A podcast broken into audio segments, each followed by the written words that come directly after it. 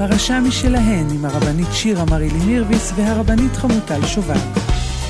פודקאסט על פרשת השבוע מבית ישיבת אור תורה, מחניים.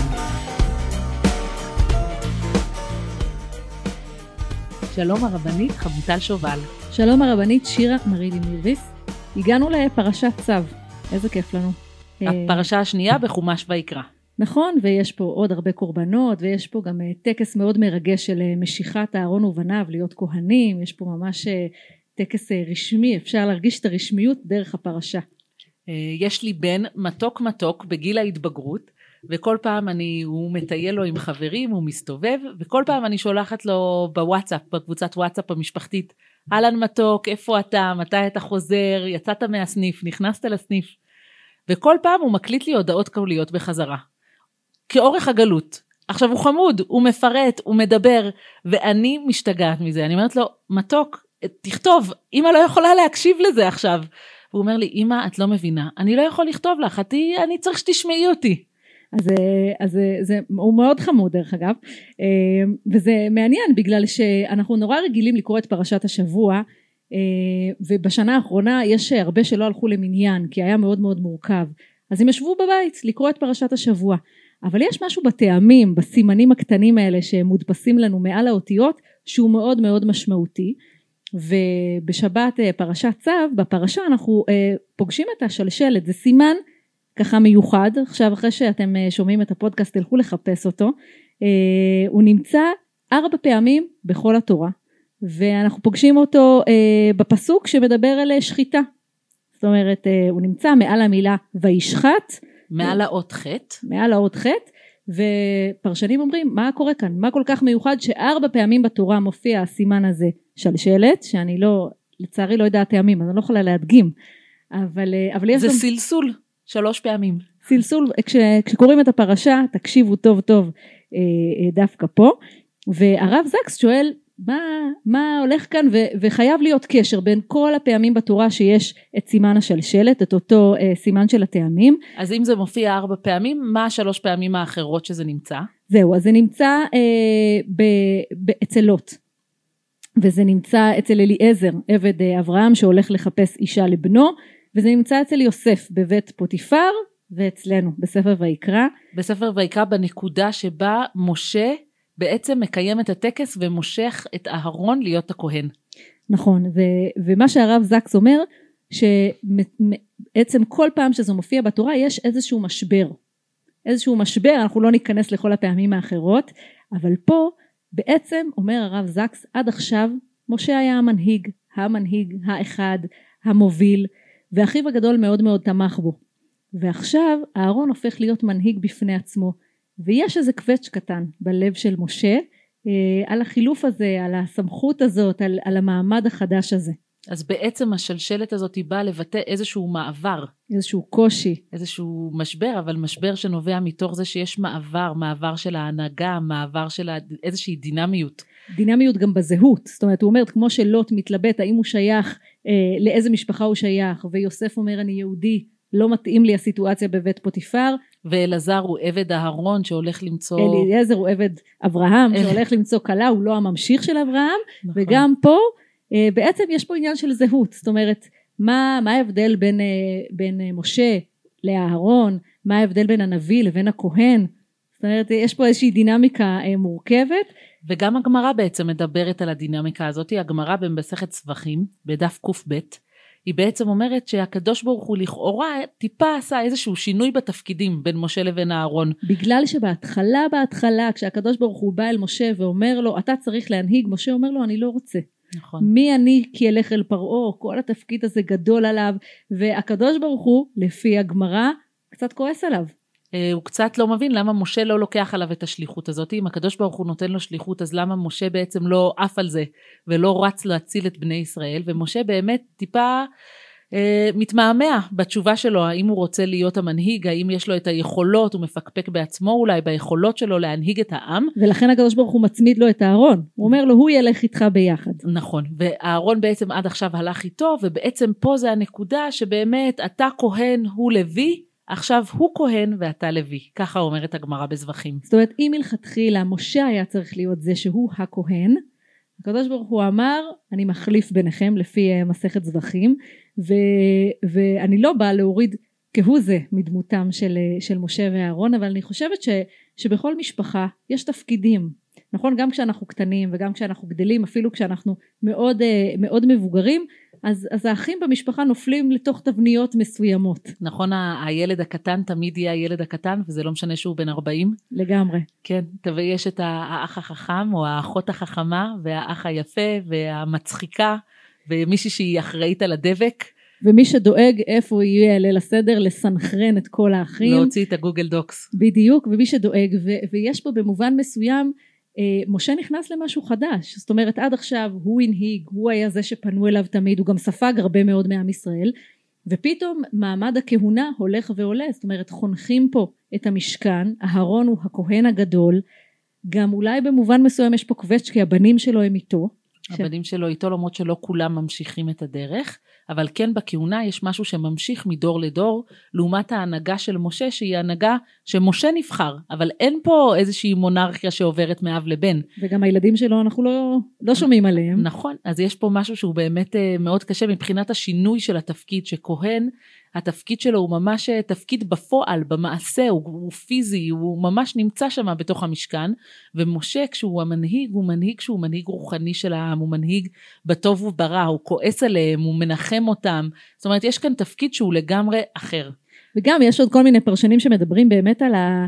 על ההבדל באישיות שלהם, שהייתה להם אישיות מאוד מאוד שונה, אה, אה, והם באמת הלכו למקומות שונים. ולכן גם התפקיד שלהם הוא שונה. בדיוק, ו- וכנראה ש- שהקווץ' הזה בלב, זה, זה, בעיניי זה, זה מקסים שזה בא לידי ביטוי דווקא בטעמים. דווקא, דווקא במנגינה. דווקא במנגינה, זאת אומרת זה משהו מאוד מאוד עדין, ש... ש- מי שיש לו אוזן עדינה, או מי שהרב זקס האיר את עיניו, הוא שומע את זה, ו- ובעיניי זה מקסים ש- שהתורה אומרת לנו, שהקדוש ברוך הוא אומר לנו, גם אצל משה גדול הנביאים, גם במשפחת אה, לוי המפורסמת, המובילה של עם ישראל, יכול להיות אי נוחות, יכול להיות מורכבות בחלוקה בין האחים, וזה בסדר. ואני חושבת ש, שזה גם בסדר בשבילנו לשמוע את זה ולדעת שאולי לא חייבים להישאר בתבניות של uh, מה שהרגשנו שהועידו לנו מה שאנחנו מועיד, מועידים לילדים שלנו אפשר להפך, להתגמש. אני חושבת שזה נורא חשוב לא להכניס את הילדים שלנו לתוך uh, מגירות ספציפיות זאת אומרת תמיד לראות בילד החכם גם כמה הוא מצחיק ותמיד לראות בילדה המצחיקה גם כמה היא חכמה אה, ובאמת לנסות כל פעם לראות את הרבדים השונים שיש לאנשים שעומדים מולנו, וכי, כי בעצם הכי קל לראות את הסטריאוטיפ וככה להתייחס לבן אדם, והקושי הוא באמת להסתכל על המורכבות של זה. וגם להכיל את הכאב שלהם, כי יש להם כאב במדידה הזאת כל הזמן, יש לנו כן. תמיד כאב כשמודדים אותנו מול אחים, נכון. אז להכיר בזה, נכון. בכאב הזה. עכשיו אה, אנחנו לא נדבר היום אה, הרבה על קורבנות, כי דיברנו בפרשת ויקרא על קורבנות, וגם כי יש פה כל מיני פנינים. אז בואו נדבר על המזבח קצת. כן. אז המזבח, איזה מקום מיוחד, יש פה איזשהו מקום של התרחשות מאוד מאוד מיוחדת, והיה שם משהו פלאי ממש שקרה במזבח הזה. שמצד אחד הייתה את המצווה להבעיר אש, נכון? היינו צריכים ממש, לא אנחנו, אבל הכוהנים, ממש ברמה הפיזית, ברגע ששמים שם את הקורבן, היה צורך לה, להקריב את הקורבן הזה, זאת אומרת להבעיר אש על המזבח, ומצד שני הייתה אש שבאה משמיים, זאת אומרת, היה פה שיתוף של שמיים וארץ על המזבח הזה. ויש את הפסוק, אש תמיד תוקד על המזבח. ובאמת, מה, מה, מה העניין פה? זאת אומרת, אם יש אש שיורדת מלמעלה, למה אנחנו צריכים לשמור על אש תמידית כל הזמן? למה צריך להמשיך ולהבעיר אותה כל הזמן? לעבוד בשבילה. אבל בואי נתעכב שנייה על הפסוק הזה. איזה פסוק יפה. אש תמיד תוקד על המזבח, וכמובן, אני לא יודעת, הדימוי שלי יש בראש זה של הנחמנים. אה, יש סטיקרים של רב נחמן, של אש תמיד תוקד על המזבח, ומה האש הזאת היא באה לבטא, ומי זה בעצם המזבח בסטיקרים של רב נחמן. בסטיקרים של רב נחמן כל בן אדם יש לו אחריות בעצם להלהיט את האש שלו, שהאש זה בעצם עבודת השם שלך. ואיך אתה יוצר את הקשר הזה בין שמיים לבין ארץ, לבין איך אתה פה בארץ בתור ברור של הקדוש ברוך הוא, איך אתה מלהיט את אש העבודה שלך לקדוש ברוך הוא. ספר החינוך מתייחס לזה בצורה מאוד מאוד יפה. נכון, ספר החינוך בכל פרשה סופר לנו את המצוות. זה מאוד יפה ללכת ככה לא לפי מצוות, לא לפי סדר אה, סדור והגיוני של רעיונות, אלא לפי סדר הפרשות. אז הוא אומר מאוד מאוד יפה, בעצם מה, מה המצווה פה? זה שתמיד בבוקר ובערב צריך לשים עץ צריך לשים עצים. להאכיל את האש. להאכיל את האש, כדי שהאש הזאת היא באמת במובן הכי פשוט ופשטני של הפסוק הזה, פשוט צריך להאכיל את האש כל הזמן. אבל מעבר לזה צריך להבין גם שיש יורדת אש שיורדת מהשמיים, ולמרות זאת אתה עדיין צריך להמשיך להאכיל את האש. אה, אומר ספר החינוך, מזה העניין ציווינו להבעיר אש במזבח, אף על פי ששם יורד אש מן השמיים כדי להסתיר את הנס. זאת אומרת, אנחנו יודעים שהקדוש ברוך הוא עושה נס. אנחנו יודעים שהקדוש ברוך הוא יוריד אש משמיים על המזבח הזה, ובכל זאת אנחנו צריכים להמשיך ולהאכיל את האש הזאת ולשים לה עצים. אני, מה שאני מאוד מאוד אוהבת פה זה העניין של האחריות האישית שלנו. זאת אומרת, הקדוש ברוך הוא מנהיג את העולם, והוא נוכח בעולם, אבל ההשתדלות האנושית היא משהו ש, שחייב להיות. זאת אומרת, אני חושבת שהמצווה הזאת דווקא אה, מלמדת אותנו את העניין הזה שיש פה חיבור של שמיים וארץ והקדוש ברוך הוא כדי להיות נוכח בעולם שלנו הוא צריך את ההשתדלות שלנו הוא לא יהיה נוכח בעולם הזה אה, לבדו, הוא לא יוריד לא את האש. אם לא נכניס אותו, הוא לא ייכנס. בדיוק, אם לא נעבוד על זה, אם לא נעשה את זה בצורה אקטיבית. זאת אומרת, אני מדמיינת את הכהן שבא להדליק והוא אומר, עשיתי את זה אתמול, עשיתי את זה שלשום. וזה כל כך מיותר, למה אני עושה את זה? הקדוש ברוך הוא הולך להוריד אש משמיים גם ככה. השאלה מה הוא חושב לעצמו כשהוא עושה דבר כזה, שהוא לכאורה מיותר. זאת אומרת הקשר הזה בין האדם והאלוהים הוא בעצם קשר ששני הצדדים אה, צריכים להיות מעורבים בו. וכשאני חושבת על זה זה בעצם אחד המאפיינים בעיניי הכי חזקים של המשכן. שכבר ממש מההתחלה של הבנייה של המשכן כשבני ישראל מצווים על זה במדבר אה, כבר בספר שמות נכון, הם צריכים לתת תרומה, זה צריך לבוא מאצלם, זאת אומרת, זה צריך להיות איזושהי נתינה אישית של עם ישראל.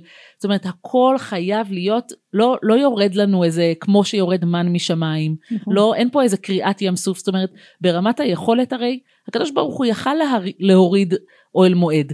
הוא יכל להוריד משכן מן השמיים ולהגיד להם, שכוייך, פה תעבדו אותי.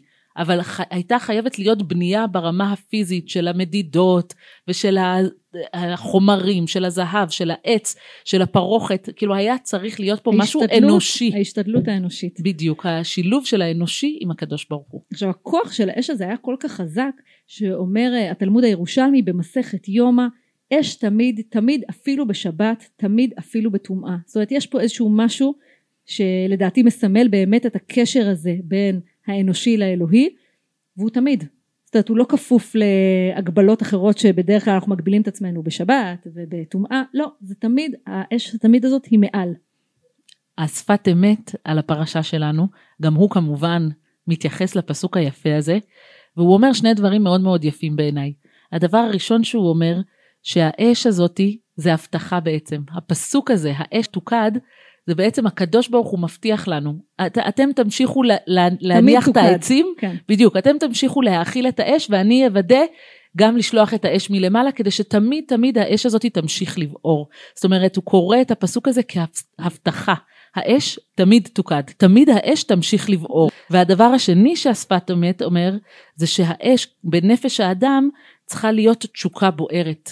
צריכה להיות תשוקה בוערת בלב בוער לעבודת הבורא.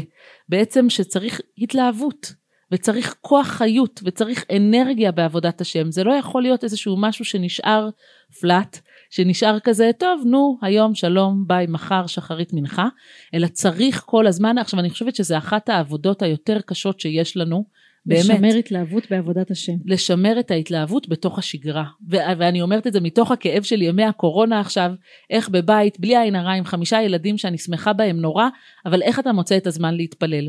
ואיך אתה מוצא את, את הזמן... את האנרגיות, את הכוונה. כן, את היכולת הזאת לפנות את הראש, לנקות אותו שנייה ממחשבות, לעמוד באמצע הבלגן במטבח ולהתפלל מנחה. זה משהו שהוא דורש עבודה שהיא עבודה אה, ממשית, שהיא עבודה קשה בעיניי, ואיך אתה מצליח לשמר את האנרגיה במשהו, כאילו הרי זה דבר והיפוכו. הרי עבודת השם זה דבר קצת רפטטיבי, קצת שחוזר על עצמו, אנחנו כל הזמן עושים את אותו דבר, כל שבת יש לנו שבת, כל שנה יש לנו ראש השנה והחגים חוזרים ופורים ופסח, ובעצם זה מאוד מאוד חוזר על עצמו, ואיך ההתחדשות היא בעצם נובעת מזה שאני בן אדם אחר, אני אישה חדשה שעומדת כאן, ומכאן אני צריכה לשאוב את הכוחות של ההתלהבות שלי, של התשוקה שלי, של היכולת שלי להתחדש בתוך עבודת השם שלי. וגם uh, לטרוח, זה קשה כל יום להביא את העצים, כל יום uh, לסחוב, צריך לעבוד קשה uh, uh, בשביל זה. ואני חושבת שזה שבבתי הכנסת שלנו משמרים את זה, נכון? מי ש... שישים לב, אני, אני חושבת שבכולם, נכון? בכל הבתי כנסת יש נר תמיד כזה, בדרך כלל זה כבר חשמלי, כן. אבל זה מסמל את האש תמיד הזאת, ש...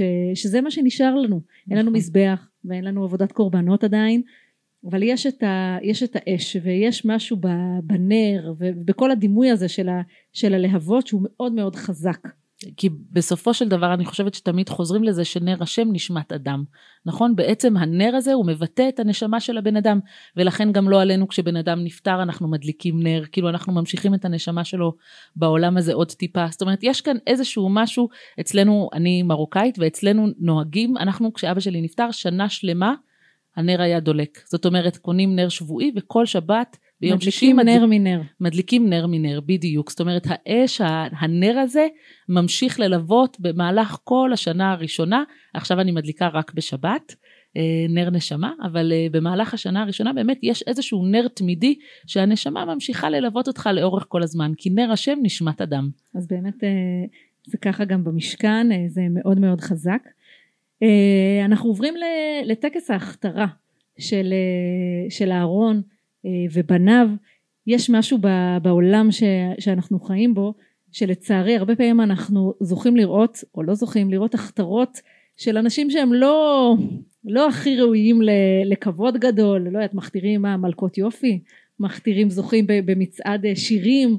אז אנחנו זכינו, המשפחה שלנו זכתה להיות באמת בהכתרה אמיתית, בקורניישן. וואו. שזה ממש הכתרה של בית המלוכה הבריטי. אה, שלמה, האיש שלי, נסע ללונדון להכתרה של דוד שלו, כי הוא הרב הראשי של אנגליה, ובאמת היה טקס של בית המלוכה. וואו. על פי כל הכללים. אה, ואפילו הרב זקס מספר על הטקס שלו, כשהוא היה הרב הראשי של אנגליה, אז הרב זקס מספר שהסבירו למלכה לפני הטקס שהרב זקס לא ינשק לה את היד או לא ייגע לה ביד כי הוא רב והוא לא נוגע בנשים וכדי שזה לא יהיה מוזר בנו לו מעקה קטן כדי שהמלכה תישען עליו, וואו. וכדי שלפי כללי הטקס זה לא ייראה מביך, שבטקס, ה, כאילו זה שעושים לו קורניישן, לא לוחץ יד למלכה, ולכן הייתה שם חשיבה באמת לפרטי הפרטים, איך הטקס יישאר מכובד ולא חלילה יפגע באף צד.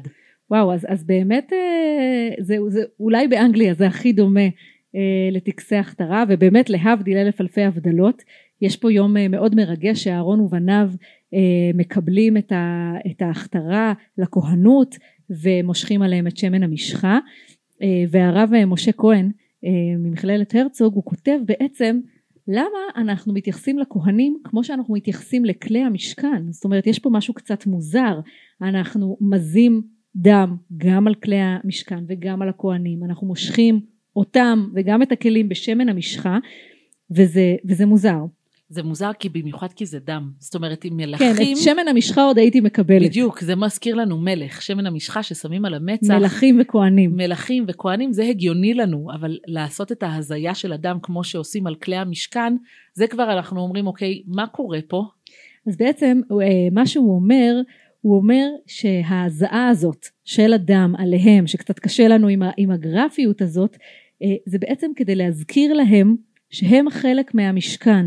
זאת אומרת, במובן מסוים הם חלק מהתפאורה של המשכן, הם כמו הכלים שאמורים לשמש את עם ישראל, הם מעין חלק מכלי המשכן. זאת אומרת, הדגש של התורה פה, זה אומר, אנחנו לא מאדירים את התפקיד שלכם כמי שאתם, אלא ככלי לשמש את עם ישראל. הדגש הוא על התפקיד שלכם ולא עליכם באופן ספציפי.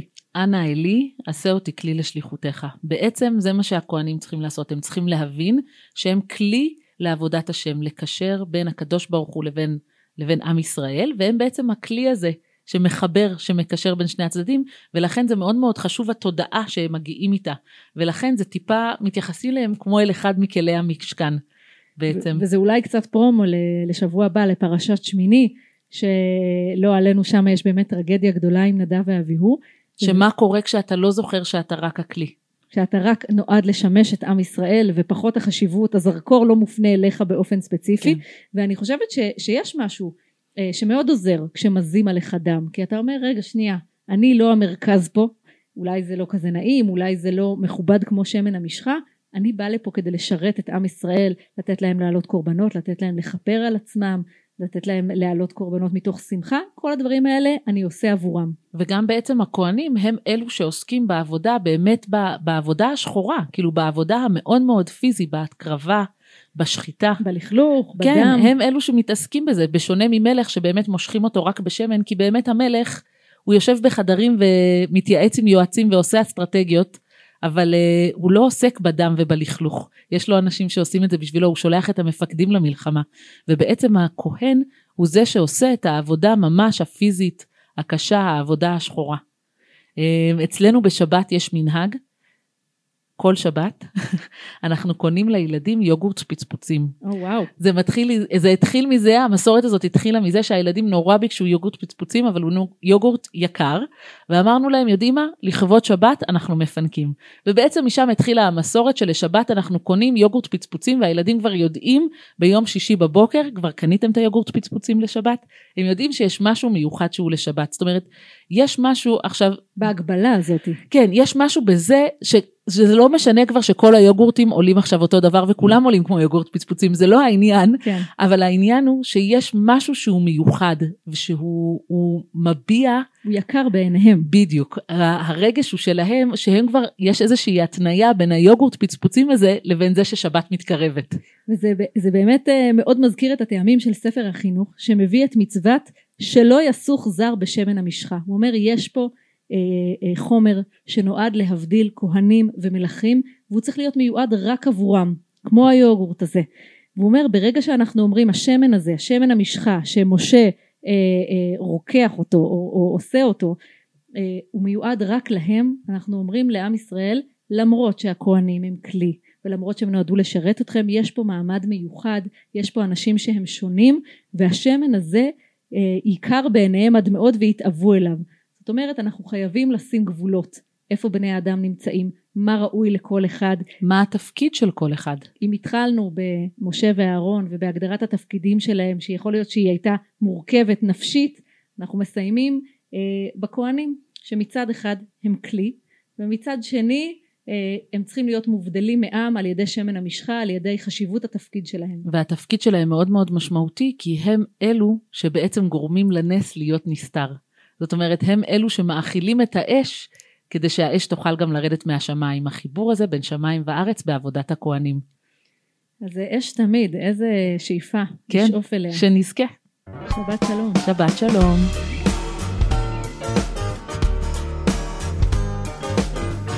פרשה משלהן עם הרבנית שירה מרילי מירביס והרבנית חמוטל שובל.